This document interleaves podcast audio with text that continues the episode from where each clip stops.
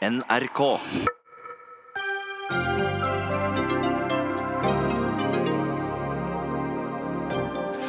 78 dager etter at han gikk av som fiskeriminister, slår Per Sandberg og kjæresten tilbake. Gjennom 300 sider får presse, kommentatorer, politiske motstandere, politiske partifeller og andre som kommenterte hans adhoc-tur til Iran, passe på.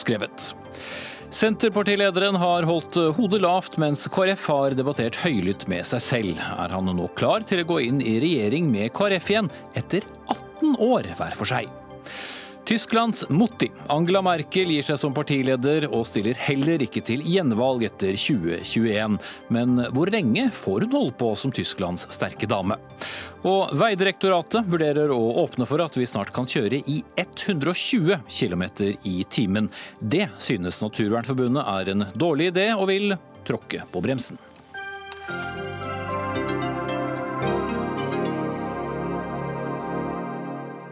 Da ønsker jeg god kveld og sier velkommen til ukens første Dagsnytt 18 med Espen Aas i studio, der det også blir debatt om private barnehager senere i sendingen. Med et eh, svært følelsesladet og tårevått møte mellom statsminister Erna Solberg og avgått fiskeriminister og tidligere Frp-nestleder Per Sandberg, så åpner boken 'Fremmede makter har flyttet inn' med undertittel 'Justismord og politisk drap'. Der nettopp Sandberg, og også hans kjæreste Bahare Letnes, forteller sin versjon av historien. Gjennom 300 sider får mange sitt pass påskrevet, og også svar på alt som skjedde under noen hektiske dager i sommer, etter det som ble omtalt som en ferietur til Iran fikk ganske store følger. Og Per Sandberg, helt først, hva slags bok er det? Er det et bittert oppgjør? Nei, men det er et helt nødvendig oppslag. Som jeg sa ganske tidlig etter at denne debatten var på det verste, at jeg skulle bruke masse tid og energi på å frikjenne Bare Letnes.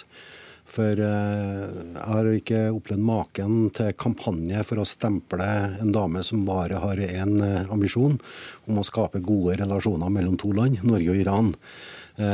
Og det var bare jeg har gått på akkord med seg sjøl gjennom hele denne prosessen med å skrive boka, men helt nødvendig for å tegne sannheten. Og for å konfrontere utrolig mange som påberopte seg å være eksperter både på Iran, eksperter på å analysere hvordan det var mulig å reise til Iran på ferie.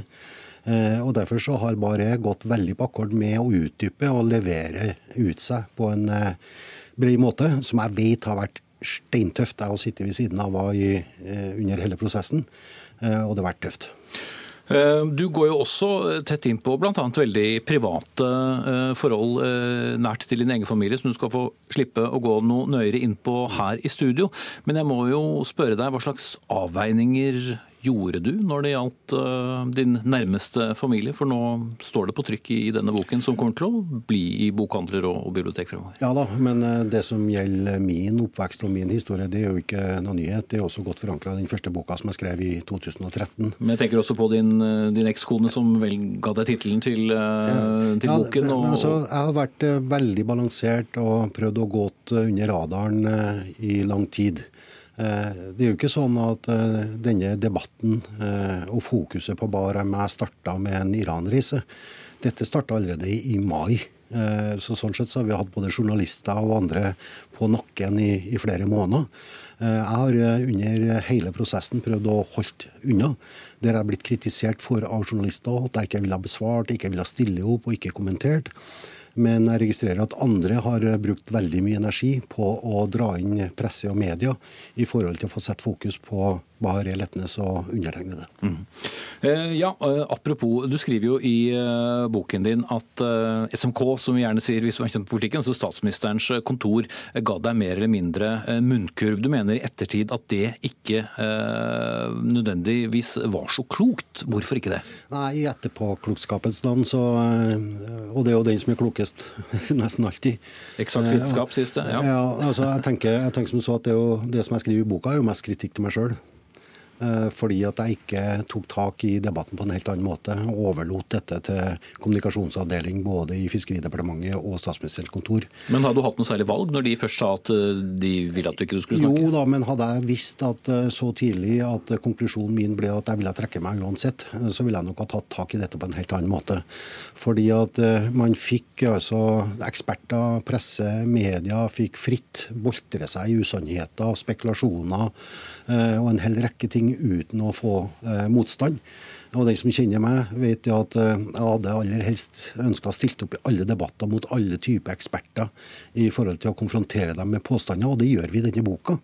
Eh, vi tar en, eh, bare en klippe av eksperter Eh, og, og vise til, og journalister og, og pressemedia også, og vise til hvordan man har håndtert denne saken på en helt ukritisk måte. Bruk av kilder, spekulasjoner, udokumenterte påstander som stempler da Bahare Letnes eh, rett og slett som en agent for, eh, for det iranske regimet. Mm.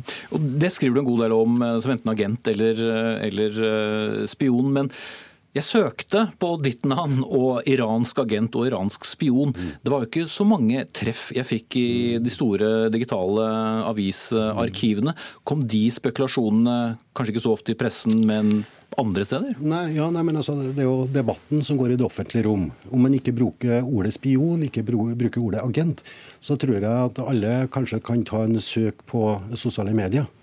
Eller eksempelvis eh, se på hva som har skjedd i Iran i forhold til bare Letnes. Eh, der at eh, til og med rockegruppa har laga sanger om agenten bare Letnes. Så det er klart at etterlattinntrykket etter den offentlige debatten, som var prega både TV 2, NRK og alle andre, eh, bar bensin til bålet for å skape den etablerte sannheten om at hun var en eller annen form for agent, og at hun hadde begge føttene og hendene knytta til regimet i Iran. Mm. Og, og, det tror jeg ikke mange journalister tenkte konsekvensene av. Men de brukte vel ikke det ordet, det var mer det jeg skulle frem til. Jeg er enig med deg i at mm. jeg også har sett det, ikke minst på, i kommentarfelt på din egen Facebook-side, der noen mente du burde bli piskeriminister i, i Iran for den sakens skyld, mm. og på Bahar Letnes sin Instagram-profil. Men ordet agent eller spion, ble det brukt uh, i, i, media, eller var det, mener du det var et resultat av uh, Eller en konklusjon som folk trakk pga. Av, uh, ja, av medieomtalen? Folk trakk den den konklusjonen med bakgrunn i denne type eh, reportasjer som var eh, både fra NRK, TV 2 og andre. Eh, jeg husker på særlig eh, Dagsnytt 18, der bare Letnes deltok. Der at det var helt umulig eh, å unngå at konklusjonen var at hun var en eller annen form for utsending fra det iranske regimet. Og Det samme med TV 2. Men, men, hvordan da ble det sagt? Ble det hevdet, eller hva? Nei, man, man, man sier jo ikke direkte at du er spion. Men det å være i Norge som flyktning og bli påstått å ha hender og føtter planta i det iranske regimet, det er synonymt med å være en utsending fra det iranske regimet. Det skjønner både du, det skjønner jeg, og det skjønner egentlig norske journalister også. Og Der eh, bruker du en del tid i boken på å forklare et eh, skille. Fordi det ble snakket mye om hvordan kan Bahare Letnes reise tilbake mm. til Iran, når det utgangspunktet var et land som hun har flyktet fra. Mm. Og som du da skriver, folk kjenner ikke forskjellen på asylsøkere og flyktninger. Mm. Fordi din kjæreste sluttet å være asylsøker i det øyeblikket hun fikk avslag på asylsøknaden, mm. men fikk da opphold på humanitært grunnlag. Mm. Og da er det også greit å reise tilbake til hjemlandet på ferie? Ikke for alle. Og, Det tror jeg vi er ganske tydelige på også. Hvis du er politisk flyktning fra Iran eller et annet land, eh, diktaturland, så er det klart problematisk å reise tilbake hvis du har flykta med bakgrunn i at du er politisk flyktning, eller du er homofil, eller at du er journalistisk anlagt eller har gjort noe i forhold til det. Alle skjønner at det er problematisk. Men bare Letnes, sammen med tusenvis av andre, har altså flykta med bakgrunn av andre ting og da fått opphold, fått nei til asyl. Og når du har fått nei til asyl, så er du altså ikke asylsøker lenger. Da, opp, da, opphører det. Og Så vurderer man da i neste runde hvorvidt at du kan få humanitært opphold. Og det året bare Letnes fikk humanitært opphold i Norge, så tror jeg det var 2300 som fikk akkurat det samme. Mm. Men, men, årsaken til at vi er opptatt av det, det er fordi at når vi reiser til Iran, så ble det altså påstått at jeg reiste til Iran på ferie med en asylsøker. Og Så vet jeg ikke hvorvidt at det er bevisst sagt på denne måten, eller ubevisst. Men det er viktig å presisere at jeg reiste altså på ferie med en dame fra Skogn som var norsk statsborger, men som har iransk eh, opprinnelse og fikk humanitært opphold. Som da rent teknisk ikke er en asylsøker fordi hun hadde fått avslag på, på asylsøknaden.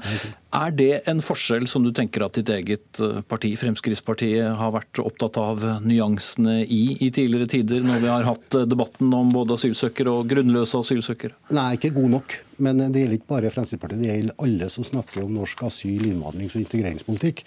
Og så er det skapa forvirringer. Eh, men jeg tror jeg har vært veldig presis på det i alle mine sammenhenger når jeg har snakka om det. Også før uh, dette kjæresteforholdet? Ja, da er akkurat samme ståsted godt planta i FrPs asyl-, integrerings- og innvandringspolitikk som jeg var før jeg møtte Bare Letnes. Skjønner du at folk syns det er uh, vanskelig å, å se det, eller handler det om at folk burde oppdatere seg bedre? Jeg forstår. Men ikke bare det norske folk. Norske journalister, media og presse bør oppdatere seg i betydelig grad også. Men så er det politikerne som til syvende og sist har ansvaret for å skape forvirring. Men når jeg sier at jeg forstår at det skapes den type spekulasjoner, så har jeg ingen forståelse for, og har aldri trodd eller tenkt at det fantes så mye fordommer hos journalister, hos media og hos det norske folk. Men fordommer overfor deg, eller fordom nei, overfor iranere? Eller? Nei, det har ingenting med meg å gjøre. Dette, jeg har ingenting med dette å gjøre. Denne boka handler i stor, stor grad om å, uh, å, gi Bare Letnes en oppreisning. Det handler mye om deg òg, da? Ja, altså, jeg, er med. jeg var med i 14 dager, og så bidro jeg også. Men stort sett er det Bare Letnes som har lagt ned arbeid her. Men det, altså, alle Jeg har vært på Stortinget siden 97. Og jeg vet at politiske partier i alle regjeringer har laga kampanjer i alle retninger for å stoppe mobbing, netthets, eh, nettroll og retorikk og ord og sånne ting. Og så er min konklusjon etter å ha gått gjennom denne perioden sammen med Bare Letnes, så er det faktisk sånn at norske politikere, presse, media, er kanskje de som går foran som dårlige forbilder. Så du har sett deg selv litt utenfra, altså din egen stand, eh, for all del i tillegg til min egen, men, men, politikere fordi vi har forvirret folk mer enn vi har opplyst på ja, men, forskjell på asylsøkere f.eks., og det, reiser å reise tilbake til hjemland? Jo, men asylsøkere altså Det er klart og tydelig. Når, når du er asylsøker, så skal du ikke reise til hjemlandet, hjem tilbake til hjemlandet. Da skal da asylsøknaden trekkes. Det er Frp-politikk. Eller eh, inntil du har søkt asyl, eller har midlertidig opphold og reiser tilbake til opprinnelseslandet der du flykta fra, så skal, trekke, skal det trekkes tilbake. Mm. Det er Frp-politikk, og det står jeg last og eh, brast med. Men, men, når jeg sier at det som har skjedd det, eh, i de siste fire, fem, seks årene i politikken, det er jo et utrolig personjag har blitt. Enten det er Gahr Støre eller Sylvi Lysthaug eller Hareide eller Per Sandberg. Så det er jo personene man jakter på, i stedet for politikken. Og Det syns jeg er veldig uheldig. Særlig når det norske folk også begynner å miste tilliten til norske politikere og norske politiske parti. Så må jo vi være dem som er politikere, som går fram og snakker politikken. Og ikke knytte all debatt om hvorvidt det er eh, god kjemi mellom to politikere, eller ordet eller retorikken. Det er jo politikken som er avgjørende. Mm. Dere har jo vært på tur igjen, kom tilbake i går. Og så har det blitt stilt noen spørsmål ved hvorvidt eh, hva slags handlingsrom du hadde på den turen. Fordi mm. at du har opprettet et nytt personlig selskap hvor du hovedsakelig skal drive med ting som er relatert til det du har drevet med før. Og da omfattes du av karantenebestemmelser. Eh, og da er spørsmålet, Hva hadde du egentlig muligheter til på denne Iran-reisen utover å være på en ren ferietur for ikke å bryte karantenebestemmelsene? Ja, nå er Det sånn at det selskapet jeg har, det er jo ikke hovedinnretta mot det jeg har jobba med før. Det er, ja, det er rådgivning ja, ja, og mulig fiske... Ja, da, og eh, kunnskap på fiskeri og havbruk og denne type ting. Men det som jeg har vært på nå gjennom en uke i Iran, det har rett og slett vært en studietur. Jeg føler selv jeg sitter på skolebenken. Eh, for å lære mye mer om hvordan de iranske strukturene fungerer, for det er utrolig komplisert. Jeg har ikke utdypa eller hatt runder som påvirker eller har noe med det jobben jeg har hatt, verken som statsråd eller, eller stortingsrepresentant i 18 år. Men nå har jeg fått eh, brev fra karantenenemnda, det fikk jeg i ettermiddag. Eh, og så skal jeg svare dem bredt og fyldig i forhold til det. Men der har du med ren samvittighet? Ja. Bare spørre deg til slutt, eh, Har du hatt mye kontakt med morpartiet og partiledelsen etter at du eh, da fratrådte, heter det, både som nestleder og, fiskeriminister? Nei. Jeg har jevnlig kontakt med Siv Jensen, og det er klar. Men jeg får mange henvendelser i disse tider. Mm. Vel, eh, da må jeg avslutningsvis be deg om å flytte ut, skjønt vi kan vel neppe kalle deg fremmed i dette rommet. Takk skal du ha, Per Sandberg. Dagsnytt 18 alle hverdager kl 18.00 på NRK P2 og NRK2.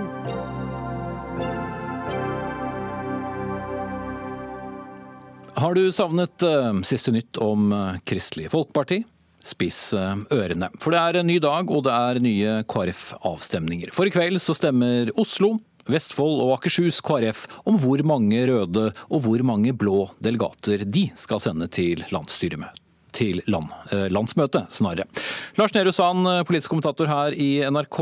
I Nittedal, hvor du er, er de godt i gang med appeller, og det regnes med at det vil bli sendt et stort rødt flertall. Men vet vi noe om hvor stort?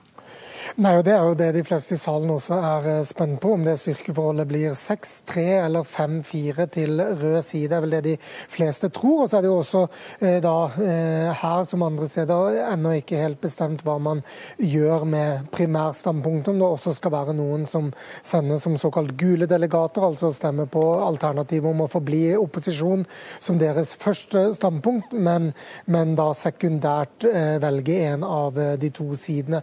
Så det er nok det eneste som man, man er spent på i Akershus. For, for, som du sier, det er ventelig at, at, hovedvekten av stemmene som blir avgitt her i eh, nitiden i kveld, eh, vil være en klar overvekt av eh, de som vil følge partileder Knut Arild Hareides råd. Både han og Ropstad er her nå for å innlede, før de setter seg i en bil og kjører inn til hovedstaden for å være med i Oslo KrF sitt eh, eh, fylkesårsmøte der senere i kveld. Så er det slik at uh, blå side, vi skal kalle det fortsatt leder, men Hareide har i hvert fall holdt uh, noe innpå. Får vi egentlig noe endelig svar før vi kommer til fredag? Eller endelig svar får vi ikke, men får vi vite altså, vi noe mer? Vi får et foreløpig eh, tall eh, klart før eh, det når Østfold sine, sin avstemning er klar i morgen. Så vil vi jo vite noe om hvilke delegater som er sendt med hvilket formål til landsmøtesalen. Men hva slags avstemning det blir fredag, det vil vi ikke få vite før da. Og Det er derfor ingen heller tør spå utfallet nå, verken i partiet eller oss som observerer dette utenfra fra. Eh, det er en skriftlig votering. Det, er, eh, det skal jo debatteres eh, og, og, nyhetsformidles dagene fremover også. Det, Hareide sin posisjon er det mange som, som, er spent på hva han gjør inn mot denne avstemningen osv. Så, videre. så det er masse som kan skje frem mot fredag, som gjør at det tallet vi nok kan regne oss frem til på diverse nettsteder, bl.a. hos oss i NRK i morgen, ikke trenger å være to streker under og det endelige svaret. Mye spenning hos eh, ikke begge sider, men alle tre alternativene innad i eh, KrF altså. Tusen takk skal du ha, Lars Nehru Sand, som følger denne utrolig spennende innspurten eh, i Kristelig Folkeparti. Og resultatet av dette kan altså bety et regjeringsskifte i Norge, eller også at sittende regjering kan få flere medlemmer.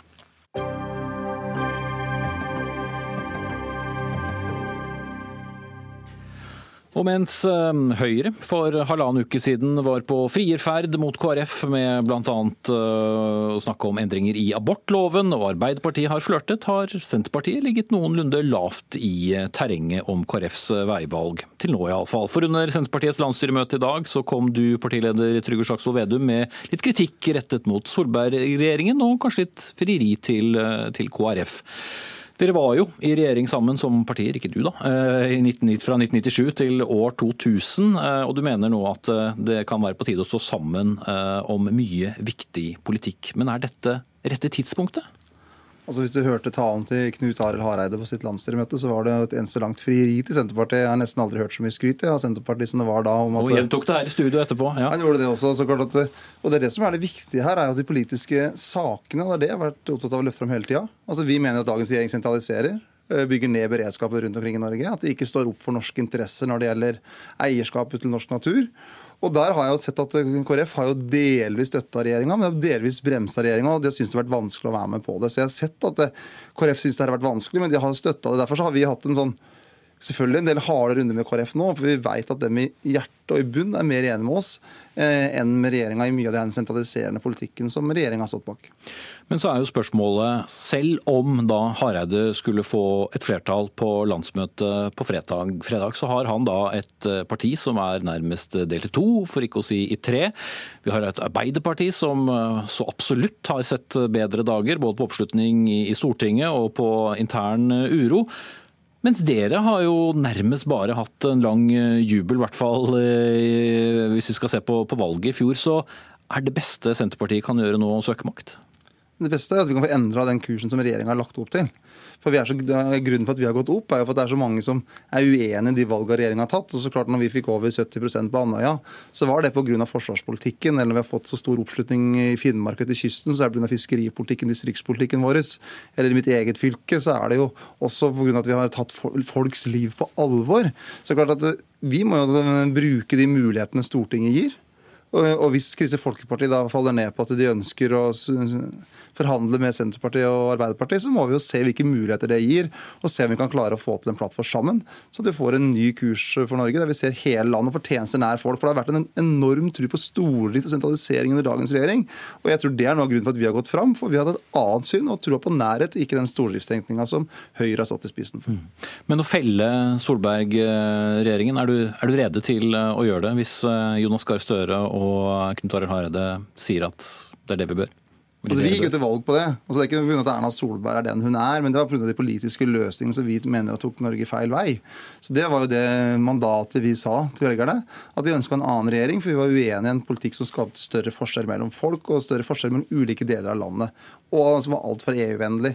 Og så må vi jo da, hvis eh, KrF eh, på fredag peker mot oss, da, Eh, peker mot Senterpartiet, så må vi sette oss ned og forhandle, se hvilke løsninger vi kan få til, sånn at vi får til reelle politiske forbedringer. Og da, Hvis det blir grunnlag for det, så har jo ikke lenger dagens regjering flertall. Og da I Norge så løser det seg på en grei måte, og man har da et skifte. Mm. Men dere må jo ha med dere SV også, som eh, Knut Arild Hareide syntes var naturlig ikke skulle bli en del av en regjering, men som mer naturlig ville støtte. Eh, er du enig i Hareide? I Norge så har vi jo stort sett hatt mindretallsregjeringer. Altså når f.eks. Eh, sentrumsregjeringa eh, kom til verden, så var det ikke det at den hadde en aktiv støtte eh, av noen andre, men han brukte det politiske handlingsrommet de fikk. Noen ganger hadde de flertall med Høyre og Frp, andre ganger hadde de flertall med Arbeiderpartiet. Og klart at eh, Det er jo det som er vanlig. og klart at Selv om Senterpartiet har vært det tydeligste opposisjonspartiet til Høyre, og Frp og Venstre, så har vi også hatt flertall med dagens regjering. Det var jo Senterpartiet som tok initiativet til nasjonale forliket på innvandringspolitikk. for Vi mente det var viktig og riktig. Så sånn er det norsk politikk. Mm. Så det er et, en lang måte å si ja på, at du er enig med Hareide at eh, SV kan være utenfor regjering? Ja, det var kanskje det det var da. men, men, altså, men, men poenget er at det, det, gjøres så dramatisk. Men det er helt vanlig at man samarbeider på kryss og tvers. Og det er det som er så fint i Norge, at vi, vi finner litt løsninger løsninger på tvers. Sjøl om det kanskje i valgkampens hete, så ser det ikke alltid sånn ut. Mm. Men eh, KrF eh, sikret jo flertall for noe dere er veldig irritert på, nemlig regionreformen? Ja, Det var en dårlig dag for KrF. og det tror jeg mange... De har jo stått ved det, da. Ja, men under sterk sterk tvil. Jeg tror veldig mange der ser sjøl hvor håpløst det er å tvinge gjennom at Finnmark og Troms blir slått sammen, eller, eller Viken, da, som en løsning som egentlig ingen eh, vil ha. Jeg, jeg tror at Det er en av grunnene for at KrF gikk tilbake i valget i fjor høst òg. At de ble med på sånne opplagt dårlige løsninger. og Knut Arild Hareide sjøl har jo sagt at han mener at Viken f.eks. bør deles. Så Det må jo være en av de virkelige godene hvis eh, KrF nå snur. Så kan de også tenke at de der rundene vi var med på der, det var ikke så lurt. Det lurer å lytte litt på Senterpartiet og sørge for at vi tar folk på alvor eh, lokalt rundt omkring i hele Norge. Sukkeravgiften, blir dere enige der? Det var jo også en sak som eh, KrF eh, sørget for. Ja, men det var eh, Problemet det var ikke utreda i det hele tatt. Jeg tror ikke de hadde tenkt gjennom hvordan det kunne ramme norsk industri og norske arbeidsplasser. Og så var det miksen av den eh, avgiften til Kristelig Folkeparti og den 350 kroners grensa til Frp, som gjorde at det ramma norske arbeidsplasser voldsomt kraftfullt. Og i bunn så er jo KrF et næringsorientert parti også, så jeg er sikker på at de, det er mulig mulige folk... De kommer til, til fornuft? ja, altså, det, jeg, jeg, tror ikke de syns det var så bra. Og, og jeg ser at Kjell Ingolf Ropstad har løfta fram 350-kronersgrensa mange ganger. Og jeg tror det er fullt mulig å få til en endring. For det må jo være... ikke regjering med deg, da? Nei, men jeg tror det må være lurt å sørge for at det er arbeidsplasser i Norge. og klart Da var den avgiftspolitikken som eh, miksen av Frp og KrF eh, førte til, har ført til dårligere arbeidsplasser og dårligere verdiskapning i landet vårt, og mer arbeidsplasser utenfor Norge. og Det er en dårlig strategi. Superkort til slutt. Er du veldig spent? Selvfølgelig er jeg veldig spent, for at eh, ting er veldig åpent. Men det som er det fine i norsk politikk, er selv når det er litt sånn kriselignende ting, så finner vi løsninger til sammen til slutt. Og klart, jeg håper jo at vi kan få til en annen kurs enn den sentraliseringa som nå føres. Mm. Veldig kort var det kanskje ikke, men eh, takk skal du ha, Trygve Slagsvold Vedum, leder i Senterpartiet.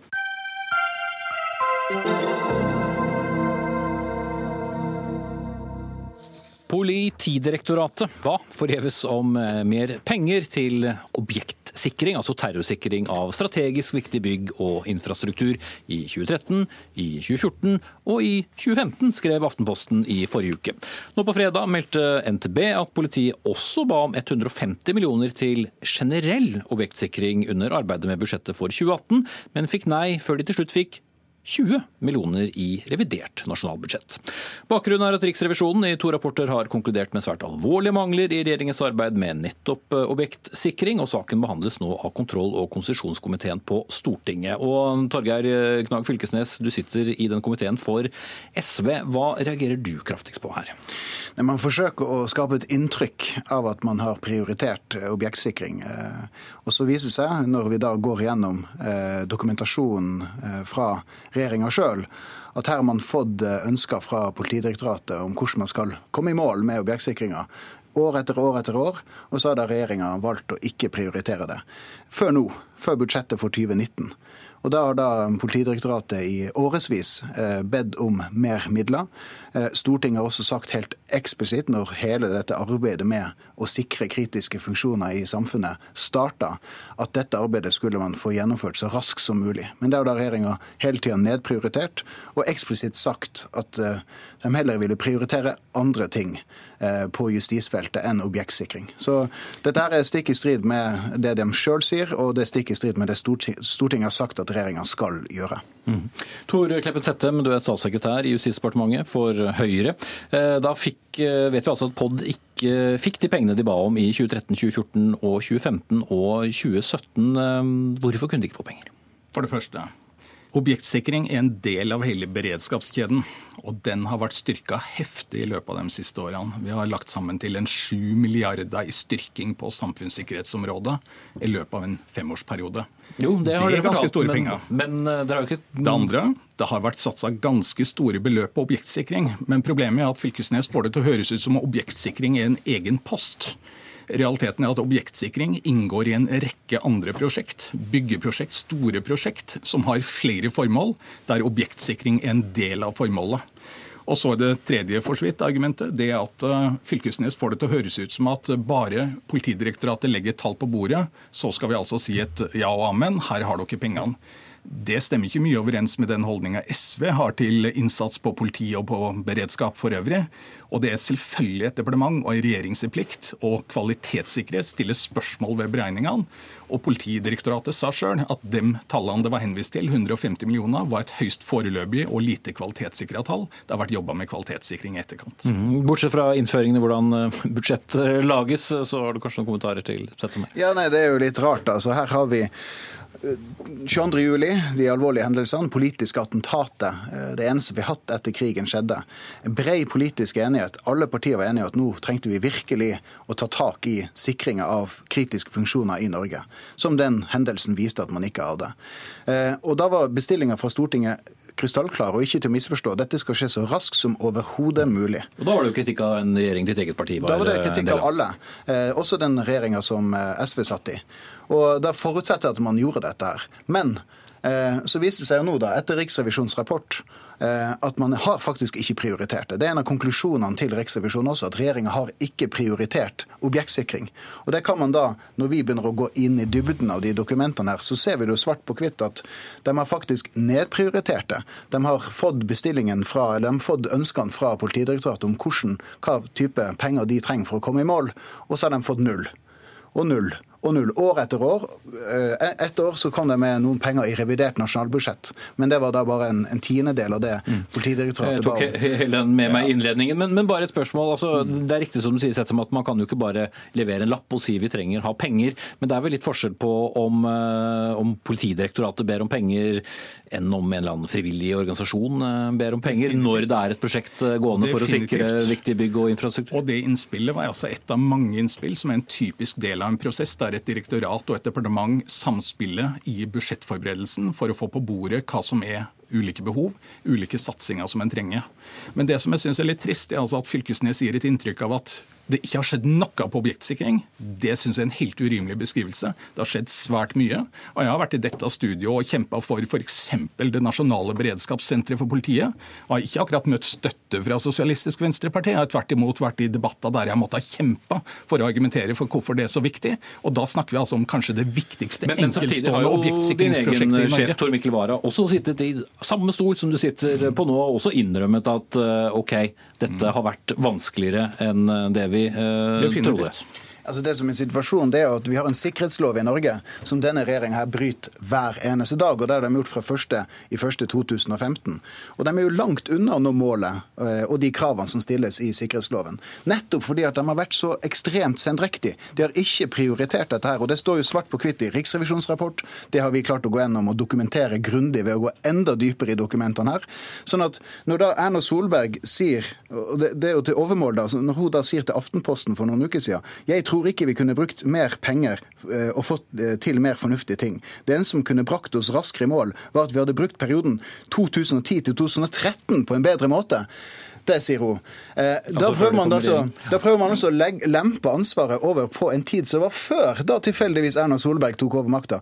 Jo, jo, det var jo like fullt da arbeidet skulle starte. for Den første vi, fristen var jo 2015. Ja, da er vi jo, ja, nettopp. Og da er vi i den situasjonen at de har da utsatt å bruke penger på dette her, og gjøre nødvendige tiltak sånn at vi kommer i mål. Og så prøver man til overmål nå å legge skylda på en tida som var før en men, satt. Men sånn at her har man rett og slett eh, direkte underprioritert, så forsøker man å hvitvaske seg sjøl da, da sikkerhetsloven ble vedtatt og da forskriftene om objektsikring eh, ble bestemt, så var det altså sagt fra den daværende ledelsen i Justisdepartementet at dette skulle ikke ha særlige økonomiske konsekvenser. Det skulle tas innenfor rammen, som det så vakkert heter.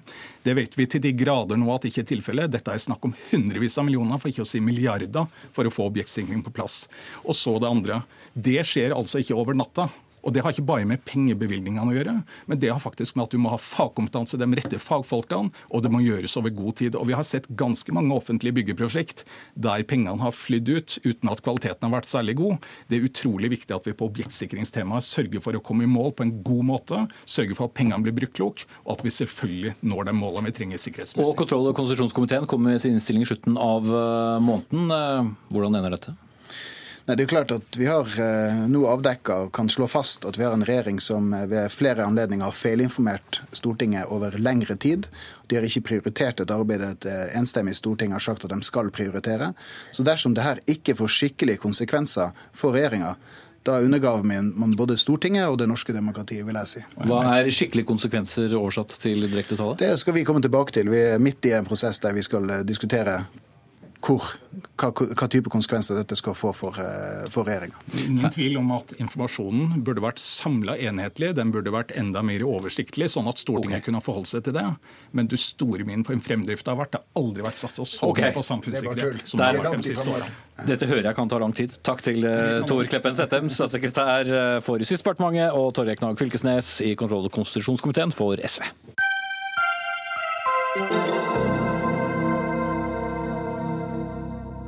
Så har damen som eh, ofte omtales som verdens mektigste kvinne, som ikke er så mektig lenger kanskje, takket eh, for seg. For i morges eh, formiddag kom meldingen om at Tysklands forbundskansler Angela Merkel gir seg, først som leder for Det kristendemokratiske partiet, som hun har ledet siden 2000, men vil heller ikke stille til gjenvalg når det gjelder den viktige posisjonen som landets øverste politiske leder.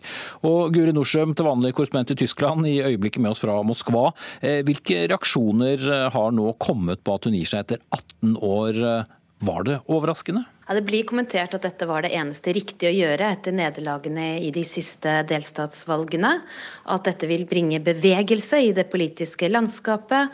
Sier også at det er tydelig at det er noen som har gått og ventet på dette, siden vi plutselig hadde hele tre kandidater som meldte sine kandidaturer til å bli nye partiledere ganske raskt etter kunngjøringen.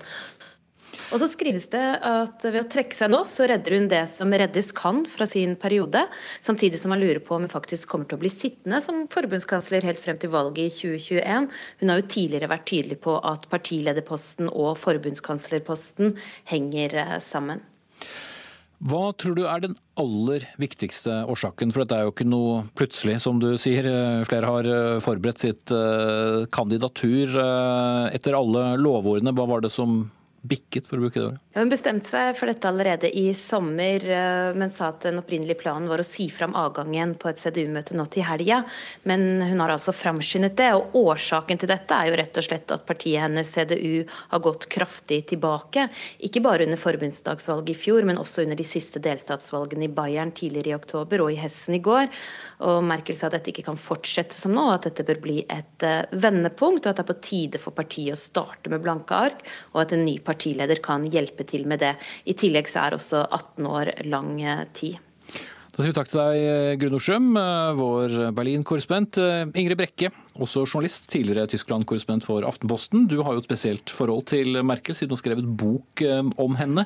Ledet CDU altså helt siden tusenårsskiftet. Du mener at tiden nå også var moden. Hva er din begrunnelse for det? Nei, jeg tenker jo at uh, når man sitter så lenge ved makta, så skjer det noen ting med hele dynamikken.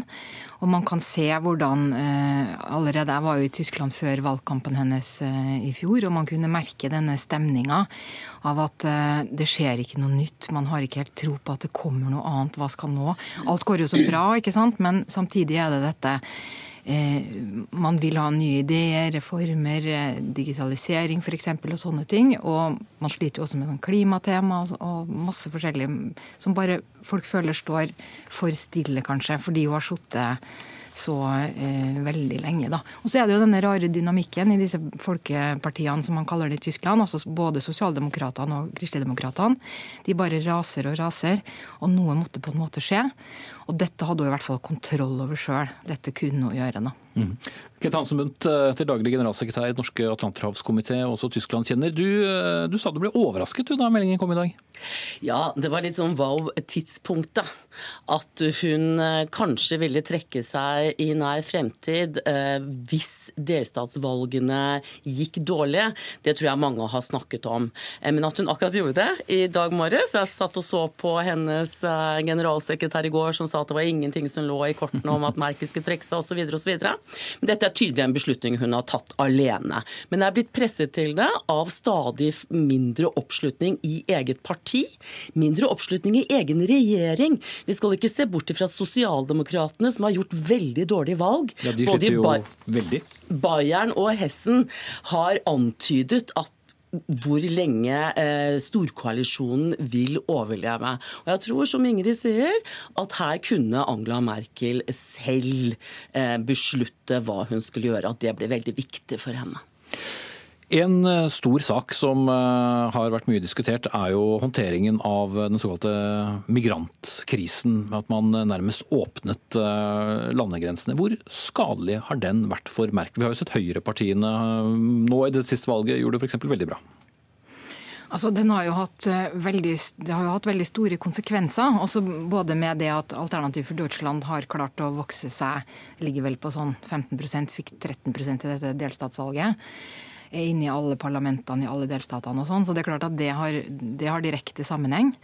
Eh, og, eh, men jeg tenker også at egentlig så har det jo gått ganske bra, og mange er i ferd med å akseptere at det som skjedde, det skjedde. Men det, men det jeg tror fortsatt både folk, og kanskje særlig internt i partiet, sliter med, det er det at hun gjorde det, men altså åpna, tok imot, men kanskje ikke hadde en god nok plan, ikke takla det ordentlig, og heller ikke i ettertid har klart å på en måte snakke ordentlig om det. Det er sånn vi skal se fremover og fortsette å, gjøre riktige ting, men det som skjedde, det skjedde. Og, og sånn fungerer det bare ikke helt. Og kanskje også å skikkelig ta tak i de store hendelsene som kom i, i kjølvannet av den? Ja, og jeg tror altså hun har tapt både internt i Tyskland, altså AFD, Alternativ for Tyskland, har vokst frem på hennes vakt. Både som en respons på eurokrisen, men ikke minst på migrasjonskrisen. Det var dette de vokste seg store og fete på. Det blir hun stilt til ansvar for. Men også på den europeiske banehalvdelen, for Angela Merkel åpnet jo eh, grensene og suspenderte EUs regelverk og trodde at de andre skulle bidra til å finne felles kollektive løsninger på å håndtere én million flyktninger. Det har ikke EU-landene vært med på, og dette har svekket henne internt i EU eh, og også internt hjemme. Ja, for Det vil jeg bare komme inn på. for uh, hvert fall Inntil da så ble hun sett på som helt uvurderlig nærmest i EU-sammenheng. Klippefast i troen på dette europeiske prosjektet. Men eh, la gå at hun har eh, blitt svekket også der, og kanskje også i Nato-sammenheng. Men blir det et vakuum? Altså Forsvinner det noe med Merkel som må fylles av en annen? Så det som forsvinner, er jo opplagt at hun er den lederen som har sittet lengst. Hun kjenner alle, hun har vært med på alle prosesser. Hun, alle vet hvem hun er, hva hun står for og sånn. Og som et sånn type punkt, og som, som representanten for det tunge, eh, mektigste landet, så har hun selvfølgelig veldig stor betydning. Og det vil eh, bli borte. Men det er jo også noe med at i demokratier så er det jo begrensa hvor mye som bare henger på den ene personen. Det er jo ikke sånn at det vil komme et menneske i stedet for Merkel som er helt annerledes og ikke tror på Europa. Altså, altså, dette er jo, Hun representerer jo Tyskland på en måte som ligner ganske mye på det jeg tror nesten hvem det nå enn blir som blir neste kansler, også vil gjøre. Mm. Men 18 år, la gå at noen av hennes forgjengere også for all del eh, satt uh, lenge. Men uh, det er jo veldig spesielt. Hva slags ettermæle kommer? Vil det bli være den siste tiden eh, som blir husket? Jeg tror nok at hun vil bli sett på Hun er den første kvinnelige kansleren. Første kvinnelige leder av dette kristelig-demokratiske partiet. Hun kom fra Øst-Tyskland. Hun ble hentet inn av Kohl, og hun var ganske brutal når han måtte gå av etter noe partitriksing med noen finansieringer. Og hun ble sett på som litt undervurdert. Og så kommer hun, slenger seg inn som kansler i 2005 og har gjort en veldig god jobb. I denne perioden har Tyskland gått fra fem millioner arbeidsledige til to. De har økt sin økonomiske inntjening, de har et kjempehandelsoverskudd. De har på en måte plassert seg som det sentrale landet de er i Europa. Mm. Og i Europa så har hun på en måte turnert veldig mange av de andre lederne. Som Ingrid sa, så har hun sittet altså like lenge omtrent som Putin. Det er de som har sittet lengst. Eh, og hun har uh, skapt en god del reformer, fått til kompromisser når det gjelder eurosamarbeid, flyktningpolitikk. Hun fikk til sanksjonspolitikk overfor russerne når de annekterte Krim. Altså hun har vist uh, Hun har hatt evnen til å skape kompromisser da, i Europa. Og det blir nok nok eh, savnet, fordi vi står oppe i et veldig fragmentert EU som trenger en sterk leder. Jeg er helt sikker på at det kommer til å bli skrevet mye om henne i årene fremover, også når hun går av. Takk skal du ha, Ketans Bundt, og også takk til Ingrid Brekke. Hør Dagsnytt 18 når du vil. Radio NRK Radio.nrk.no.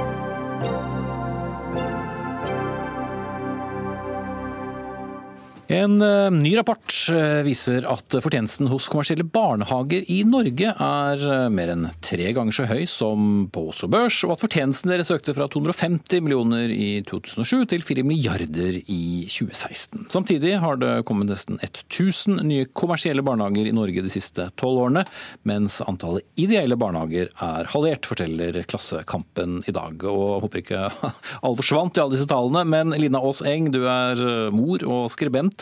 Du har reagert på disse tallene og har bl.a. skrevet innlegg i Dagsavisen. Eh, har datter privat, eh, hatt datter i privat barnehage i et år. Eh, og bare helt først, fortell, hvordan var din opplevelse av å ta henne inn i en privat barnehage?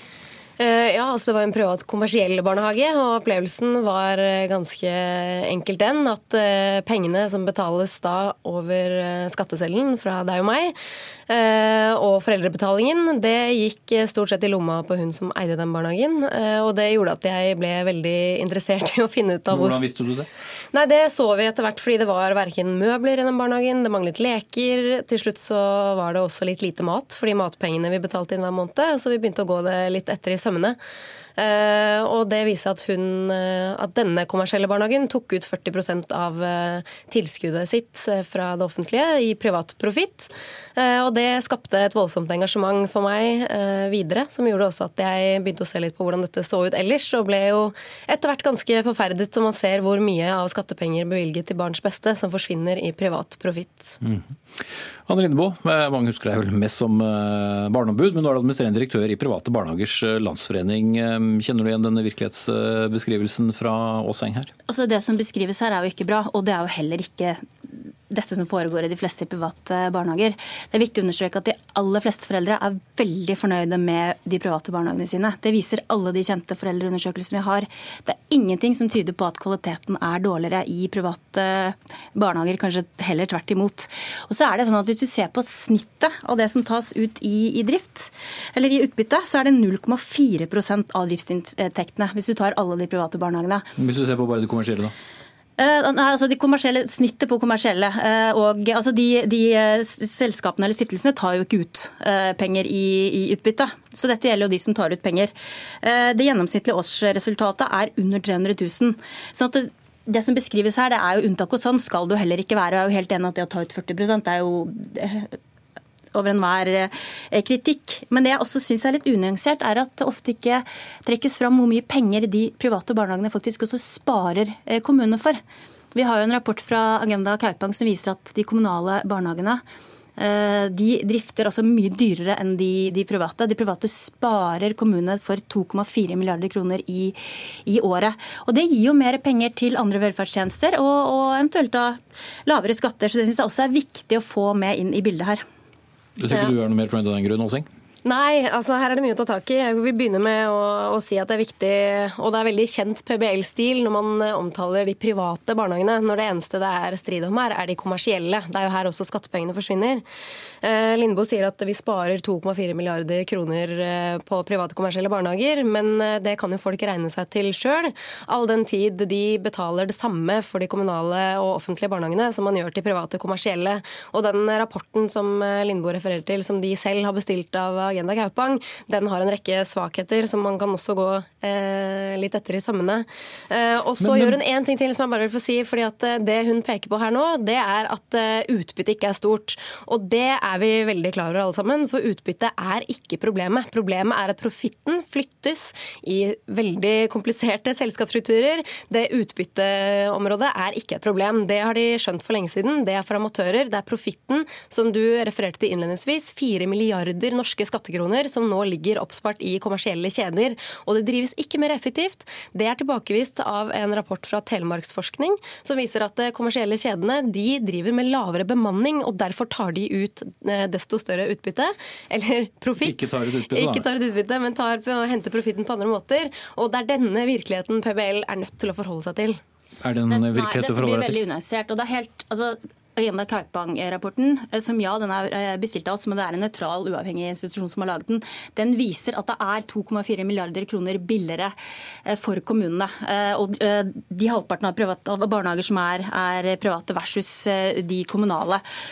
Det skyldes mange ting. Det skyldes f.eks. lavere sykefravær i de private barnehagene, så mye som 1,5% Så man burde spørre kommunene hvordan klarer dere å bruke 2,5 milliarder kroner mer på drift. Det er i hvert fall ikke penger som kommer eh, barna til, til. Eh, sier du nå at dere driver barnehage bedre enn de kommunale? Jeg sier i hvert fall at det drives åpenbart mer eh, effektivt.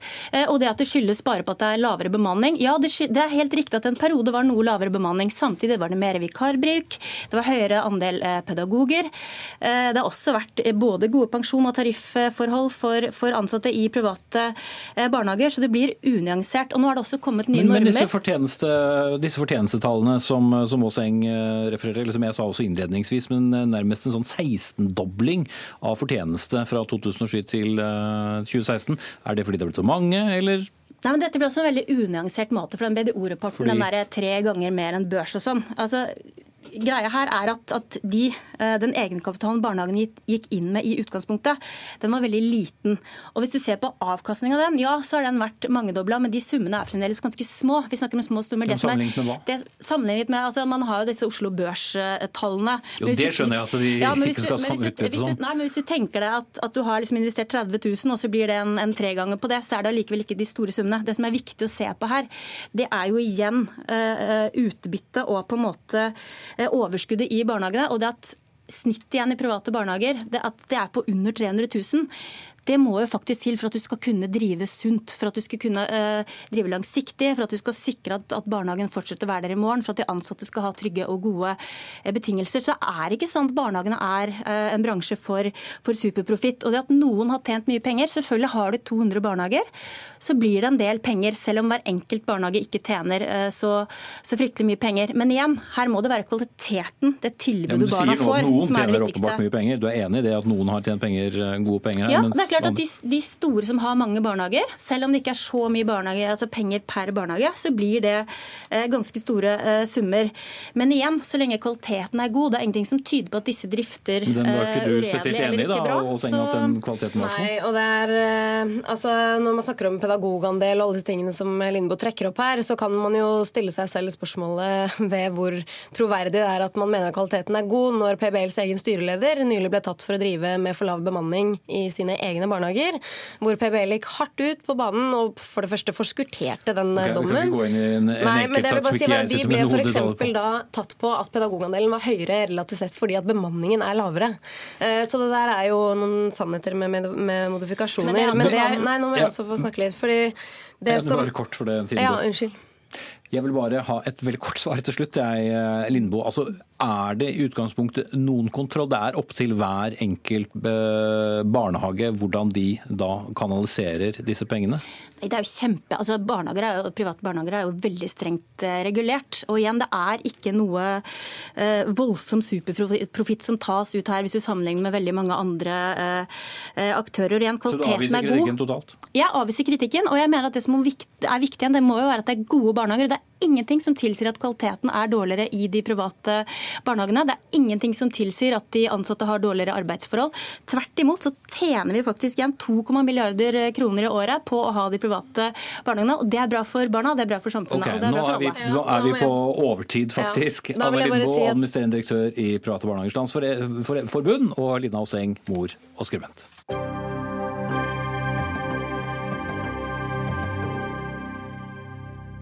Om ikke så altfor lenge så kan det hende at eh, fartsgrensen på enkelte motorveistrekninger her i landet kan bli hevet til 120 km i timen.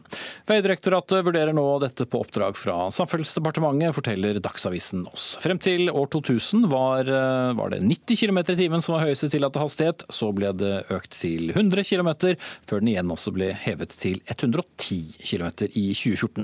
Morten Stordalen, nestleder i transport- og kommunikasjonskomiteen på Stortinget for Frp. 120 km i timen på motorvei, er det eh, riktig vei å gå? Det er det, fordi at eh, de veiene som nå bygges, og har vært bygd siste tiden, de bygges faktisk for å tåle opptil 130 km i timen. Eh, og det handler om faktisk å ha riktig fart på riktig vei.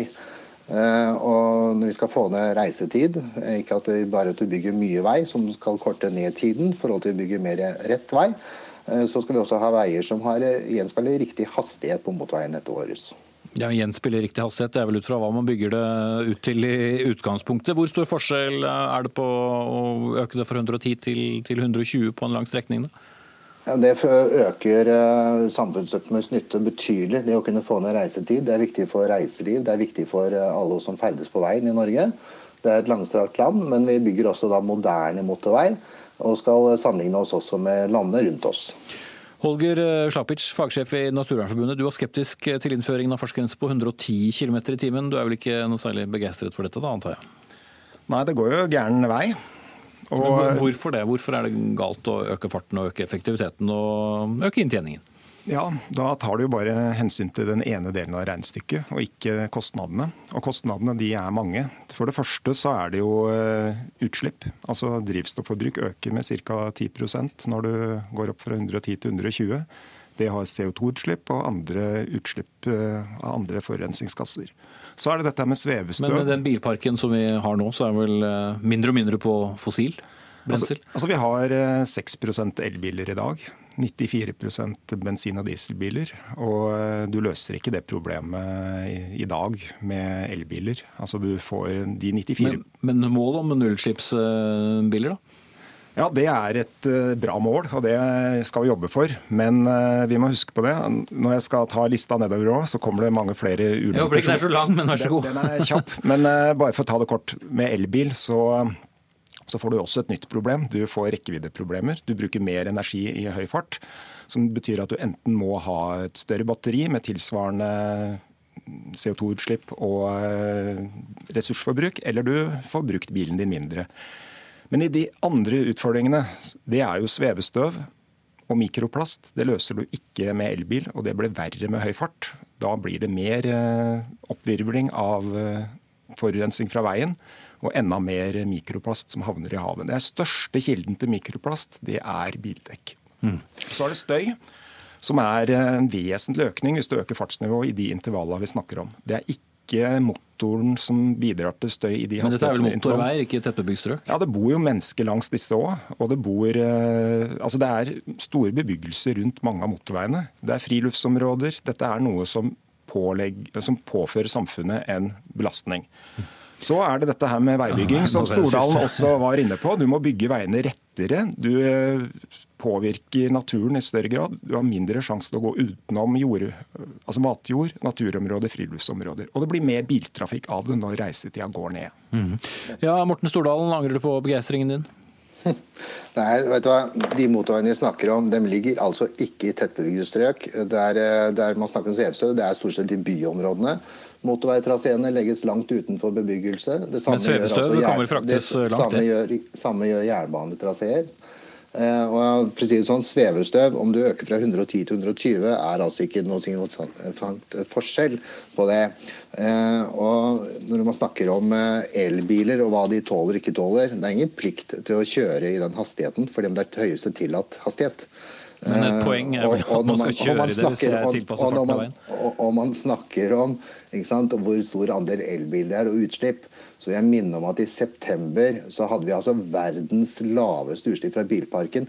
Blant alle land i verden, alle stater du måtte finne, så var det et utslipp på 55 gram. Eh, og det går riktig vei, nettopp fordi at Fremskrittspartiet i regjering har bidratt til å sette ned nybilavgiftene, også på fossildrivstoff. Alle biler nå blir reinere, mer moderne med teknologi, så det er altså riktig vei å gå. Men det tar jo sin tid, da, så du risikerer vel kanskje da økt utslipp uh, iallfall en god periode til å begynne med? Nei. Eh, fordi at man ser eh, så dramatisk som utslippet går ned nå, fordi at man har riktig politikk, fordi man har et gulrot, ikke pisk, så går dette riktig vei. Så det å måtte si det at dette vil liksom gå gale veien forhold til utslipp og svevestøv osv., det syns jeg blir helt merkelig. Men mener du at det går riktig vei, da? Ja, men når man snakker om mikroplast, det blir nesten for rart. Men uh, det er klart vi skal, ikke, vi skal ikke forsøple naturen, og særs ikke havet. Men å øke fra 110 til 120 km på motorveitraseer, det blir spesielt argument å bruke fra Naturvernforbundet. Spesielt argument, uh, Slappit? Altså, dette her er summen av eh, mange argumenter som går i motsatt retning. Altså, når du tar et sånt grep, så løser du ikke miljøproblemene raskere. og det er ikke en kunnskapsbasert forvaltning av eh, politikken. Så jeg håper at Frp vil se nærmere på disse sakene. Dette med elbiler, Vi heier virkelig på elbiler, men det løser jo ikke majoriteten av de utfordringene jeg pekte på nå. Bl.a. mikroplast, svevestøv, støy og naturinngrep fra disse veiene. Men mener du da at vi ikke skulle bygget flere motorvei? Skulle vi bygget det mer kronglete, eller skulle vi bare holde farten nede? Hva mener du ville vært riktig? Kanskje ikke bygge det med utgangspunktet? Ja, vi må jo ruste opp eh, primært de veiene vi har. Det er et stort potensial til å gjøre veiene mer trafikksikre og eh, mer eh, hva skal si, gunstige for samfunnet. Men å lage store nye veier som skjærer gjennom nye områder, som legger til rette for mer biltrafikk, skaper store utfordringer med tanke på matjord, støy og, og luftforurensning, det er jo ikke veien å gå. Vi får ruste opp det vi har av veier, få bedre utnyttelse av dem. Da kan det hende vi kommer i mål med den teknologien vi skal ha. Hovedproblemet nå er at trafikkveksten spiser opp de effektene som teknologien gir. Og Hovedproblemet mitt er faktisk at eh, samtalen dere imellom har spist opp eh, det meste av tiden min. Takk til Holger Slaupitz, eh, fagsjef i Naturvernforbundet, og Morten Stordalen, nestleder i transport- og kommunikasjonskomiteen. Beklager at vi måtte sette på bremsen der. Hvis du skulle komme i mål, ansvarlig for denne sendingen, Fredrik Lauritzen, teknisk ansvarlig Hans Ole Hummelvold. Her i studio Espen Aas. Dagsnytt 18 er tilbake igjen i morgen, samme tid, samme sted. Música